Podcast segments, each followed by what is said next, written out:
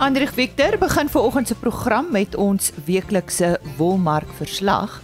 En dan het Consortium Merino op 14 Februarie hul 100ste produksieveiling aangebied. 500 ramme het onder die hamer gekom.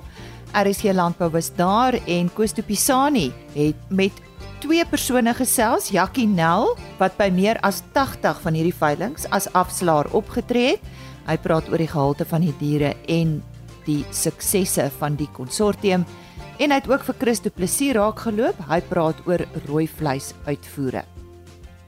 Goeiemôre, my naam is Lise Roberts en ek vertrou dit gaan goed met jou vanoggend.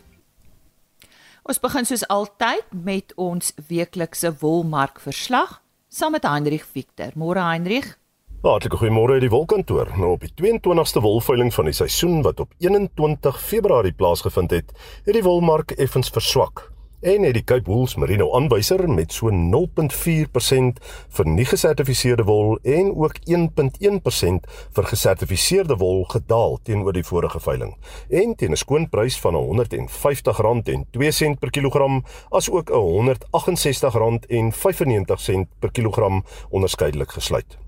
Die Australiese EMA het egter hierdie week onveranderd gebly teenoor die vorige veiling. Nou die effense daling in die Suid-Afrikaanse mark kan dan hoofsaaklik toegeskryf word aan die effense sterker vertoning van die Suid-Afrikaanse rand tydens die veiling. Nou volhoubaar gesertifiseerde wol het maar so 33% van die merino aanbieding uitgemaak, terwyl minder as die helfte van die aanbieding uit goeie lengtes fynere mikronwol bestaan het, wat dan ook 'n negatiewe invloed op die mark gehad het. Daar is in totaal 10337 bale aangebied op hierdie veiling na onttrekking van 1702 bale voor die veiling waarvan so 94% als en als verkoop is. Nou Standard Wool SA het op hierdie veiling die grootste hoeveelheid bale gekoop, gevolg deur BKB Pinnacle Fiber, TNU SA en Modiano SA. Dan die gemiddelde skoonwolpryse vir die seleksie binne die vers verskillende mikron kategorieë goeie lang kamwol of MF5 tipes was dan soos volg. En soos jy ook al weet, onderskei ons gewoonlik tussen nie gesertifiseerde en gesertifiseerde wol. Kom ons begin hierdie keer met 18 mikron. Nie gesertifiseer, R186.80 per kilogram. Gesertifiseer, R193.68 per kilogram met 'n premie van 3.7%. Dan kan ons loer na 18.5 mikron, nie gesertifiseer, R180.61 per kilogram, gesertifiseer R185.94 per kilogram met 'n premie van 3%. Dan kan ons ook kyk na 19 mikron het uh nie gesertifiseerde wol verhandel vir R170.90 per kilogram terwyl gesertifiseerde wol 'n prys behaal het van R175.88 per kilogram met 'n premie van 2.9%. En dan kan ons laastens loer na 20.5 mikron. Nie gesertifiseerde wol het verkoop vir R162.71 per kilogram terwyl gesertifiseerde wol 'n prys behaal het van R166.26 sent per kilogram met 'n premie van 2.2%. Nou ja, die volgende wolveiling is dan geskeduleer vir 28 Februarie waar sowat 8392 bale aangebied sal word. Ja, dit is dan ons storie hierdie week uit die wolkantoor. Tot ons weer gesels, alles wat mooi is vir u, mooi loop. En dit is wat die afgelope week by wolveilings gebeur het. Ons dank aan Heinrich Victor.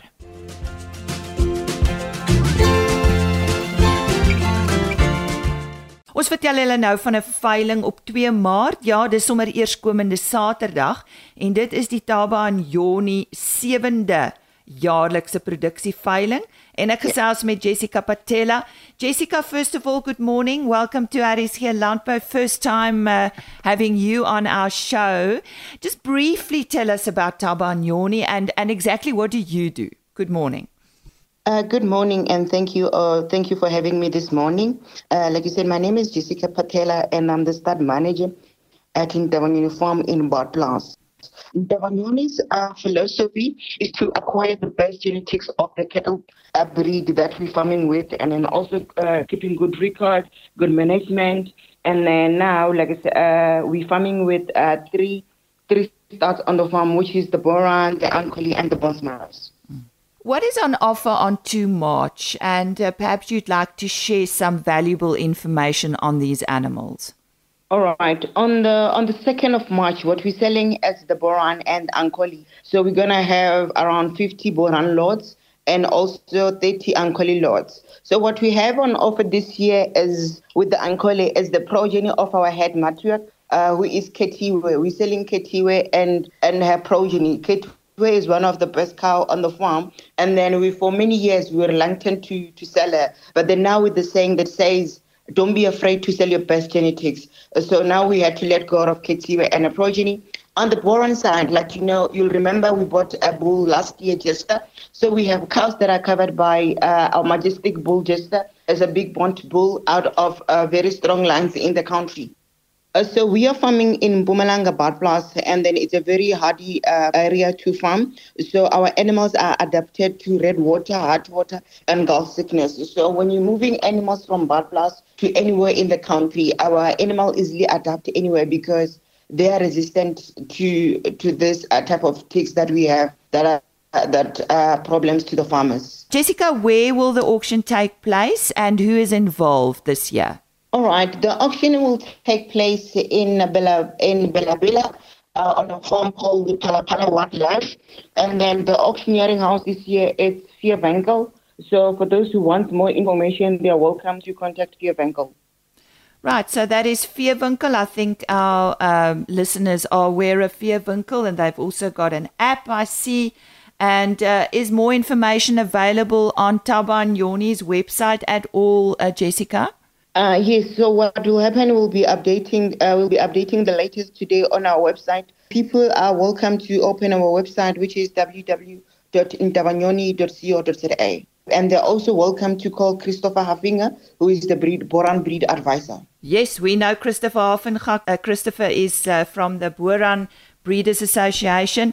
En uh, ja, dit is dan meer inligting oor Tabanyoni se 7de jaarlikse produksieveiling. Dis op 2 Maart, soos Jessica gesê het by Pala Pala daar by Bella Bella en uh, sy is Jessica Patella en vir meer inligting besoek Veewinkel of jy's baie welkom in vir Christopher Havengat te skakel.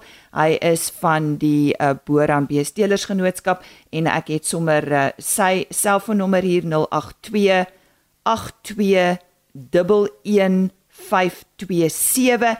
Jessica, normally we do have people that cannot attend a function. Do you have an online option? Yes, for those who won't be able to make it to Bela Palapala, uh, we have online platforms. So the Pulse Bengal have their own online platform. We also have Meerkat, we have Sudvier. So you are all welcome to now start with the registrations. Thank you. Various options for our uh, listeners that will not be able to attend. En om hier af te sluit Taban Joni se webtuiste www.tabanjoni i o n i.co.za.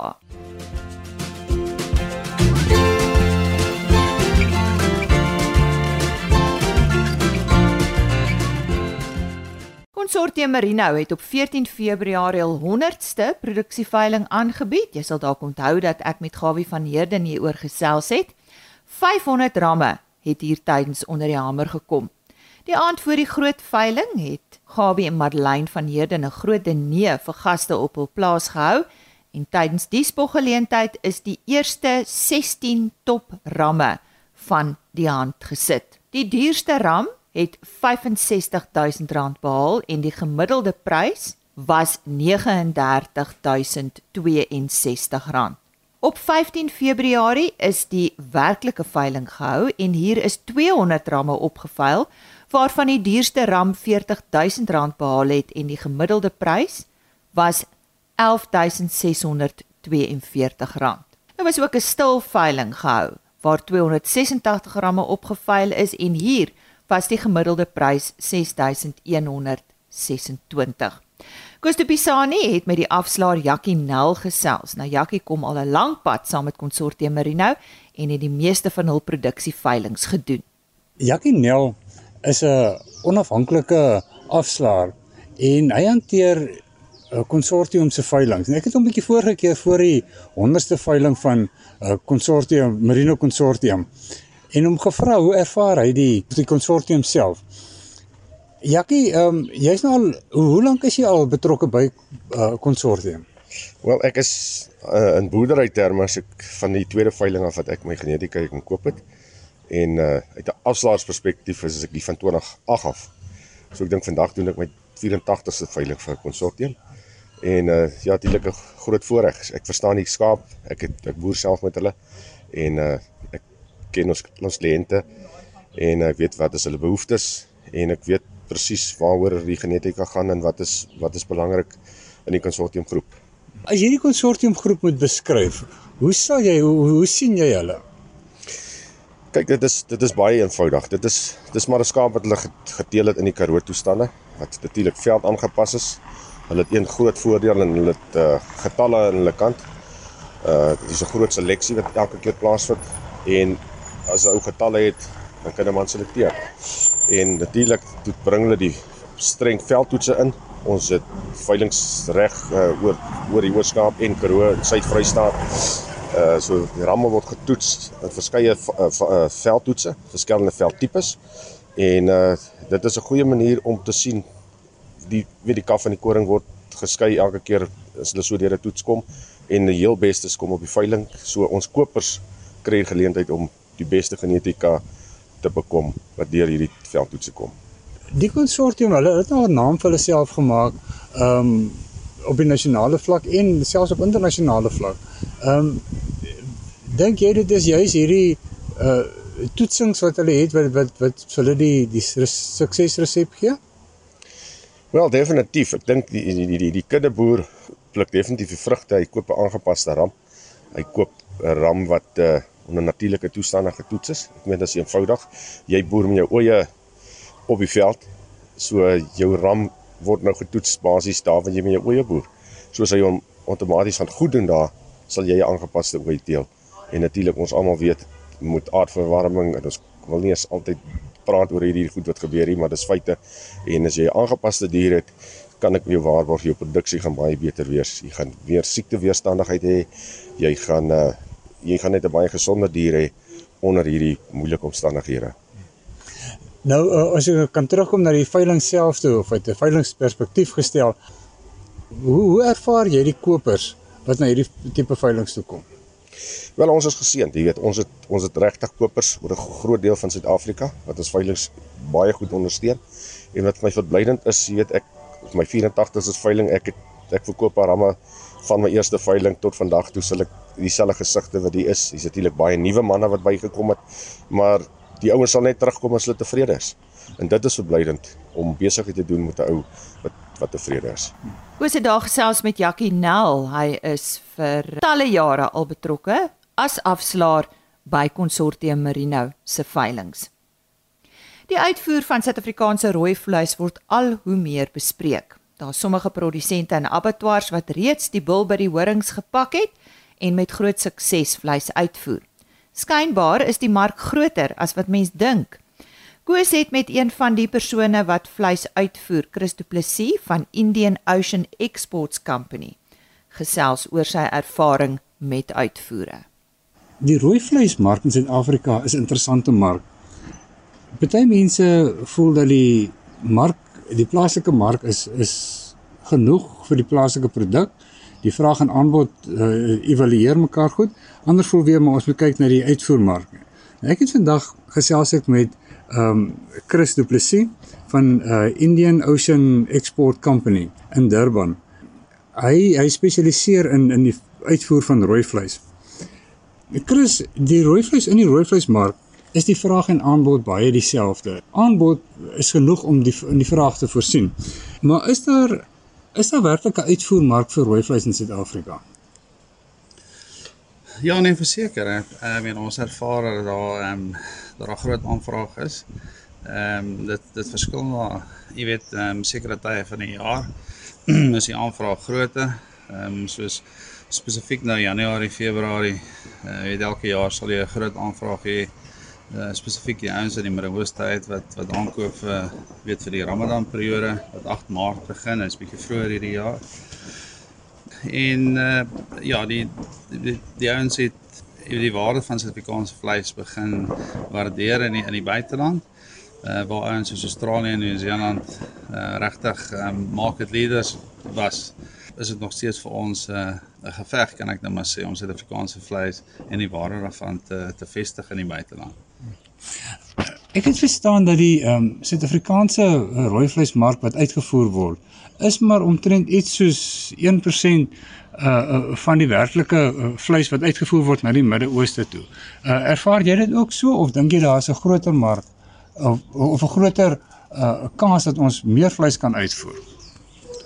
Ek dink verseker so ek ehm um, ek dink, dink ons almal weet van ehm um, Saudi-Arabië wat uh, wat onlangs oopgemaak het en wat natuurlik vol potensiaal is. Ek dink hy het, hy het potensiaal om ehm um, al die rooi vleis wat uit Suid-Afrika in die Midde-Ooste gaan in die ander lande en kan hy dubbel vat. Ehm um, so daar's definitief nog ehm um, geleentheid om om om te groei. Nou dink jy die uh, mark in in die Midde-Ooste um, is groot genoeg uh, moet ons kyk na want baie mense sien nie ons moet kyk na ehm um, Europa, ons moet kyk na uh, Amerika en die plekke. Dink jy dit is nodig om daar te gaan karring of dink jy ons mark is groot genoeg in die Midde-Ooste? Ja, ek dink ehm um, ek dink daar's ander lande wat wat hy nou oorsien. Ehm um, as jy as praat van die van die Indian Ocean Islands, weet ons besigheid Indian Ocean Export het begin predominantly in die ehm um, Indiese Oseaan eilande soos Seychelles en Mauritius, jy weet, en Maldives. Uh, waar ons goed gevestig is in ehm um, en ons en ons doen van rooi vleis uit Suid-Afrika na hierdie eilande toe ook. Asook Afrika. Ek dink uh, Afrika is 'n baie groot mark wat baie vinnig groei, die aanvraag groei verskriklik, weet plekke soos Nigerië, Kenia uh, wat wat elke dag groei, jy weet die aanvraag daar is ook groot. So dit ons moet kyk na na om besigheid ontwikkel in in Afrika ehm um, wat vir ons jy weet winsgewend sal wees van 'n van 'n groei oogpunt af en dan Saudi-Arabië uh, in die Midde-Ooste dink ek gaan 'n groot fokus wees in die jare wat kom. Ehm uh, maar dan dink ek ook die Verre Ooste, Suidoos-Asië spesifiek sal uh, is al groot geleentheid. Hmm.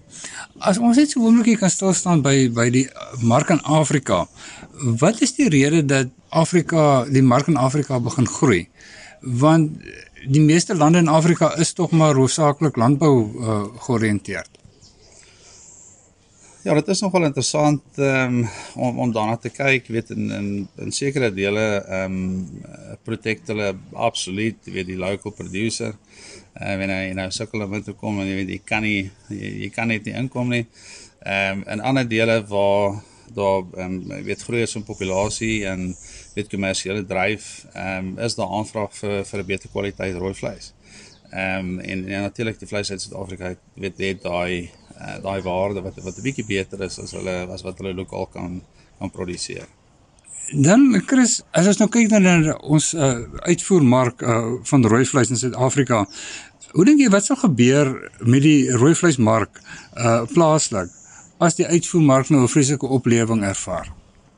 Ek dink ehm um, as daar weet is uh, iewers skielik 'n baie groot aanvraag aan die buiteland moet wees en weet dan dat ons dit ehm um, dat ons dit uitstuur sal dit ehm um, die lokale prys weet aan die hoogte laat skiet. En dis wat eh uh, weet wat nou toe gebeur. Eh uh, ons uit uitvoer hoe behoor betaal jy weet die die eindkonsument in Suid-Afrika. So ehm um, wat natuurlik goed is vir ons vir ons ekonomie.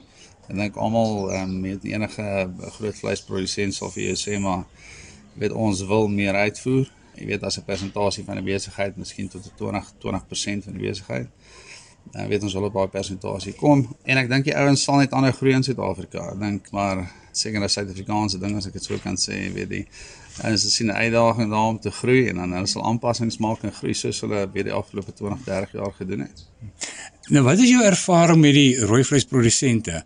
Dink jy hulle koppe begin draai na 'n uh, uitvoermark toe of uh, bly hulle vassteek by die uh, plaaslike mark? Jy weet in geval van daar is 'n behoefte so ons produseer vir hierdie behoefte in die plaaslike mark. Ja, ek dink uitvoere oor die algemeen ehm uh, ek ek dink Karen Beef het weet in, in 2000 of 2002 het hulle begin, jy weet met hulle uitvoere. Ehm um, en so dis nie vreeslik lank nie, weet as jy um, in ag neem plekke soos Nieu-Seeland en Australië wat al weet vir baie baie meer as dit of langer as dit. weet uitvoere doen. Ehm um, so ek dink vir Suid-Afrika is dit eintlik nog 'n ehm um, vroeg in die proses van uitvoer. Ehm um, ook jy weet as jy dink aan beplanning en en groei vir 'n besigheid oor oor 'n 50 jaar periode, dan is daar nog baie uh, plek vir ons om te groei. Daar is maar redelike uh uh kontroversie rondom die die die hulp wat wat produsente kry van die regering en van bestaande strukture af. Ehm um, wat is jou ervaring? Dink jy die uh, bestaande strukture in die rooi vleisbedryf doen genoeg om boere te help om die uitvoermark te ontwikkel? Maar ek weet nie of ek vir jou ehm um, weet waar ek kan toevoeg met die, met die vraag nie. Jy weet ek verneem dat dat daar 'n hele paar ehm um, ouens is wat die nodige ondersteuning kry. Ehm uh, en natuurlik is daar die wat voel jy weet hulle hulle kan meer gehelp word en in verskillende maniere. Jy weet almal waar hulle gevestig is hang af ehm um, jy weet met watse instansies hulle hulle te doen het. En maar ek dink ja, dis dis sover wat ek kan ietsie sê daaroor. uh, en dit is Chris Du Plessis uh van IOEC wat so gesels. Ek is Koos Du Pisani vir RSG Landbou. Ons dank aan Koos Du Pisani vir daardie bydraes en dit is dan ook vandag se RSG Landbou. Een van die onderhoude waarna ons kan uitsien môreoggend is die met Hempies te Tooi, die oud Springbok. Ja, hy is nie net 'n rugby speler van formaat nie, maar ook 'n boer. Ek gesels met hom oor sy organiese groenteboerdery. Dis môre in RSG Landbou. Onthou RSG Landbou is op rsg.co.za spotgooi beskikbaar. Die onderhoude by agriorbit.com, 'n e-posadres rsglandbou@plaasmedia.co.za. Tot môre dan. Totsiens. RSG Landbou is 'n plaas media produksie met regisseur en aanbieder Lisa Roberts.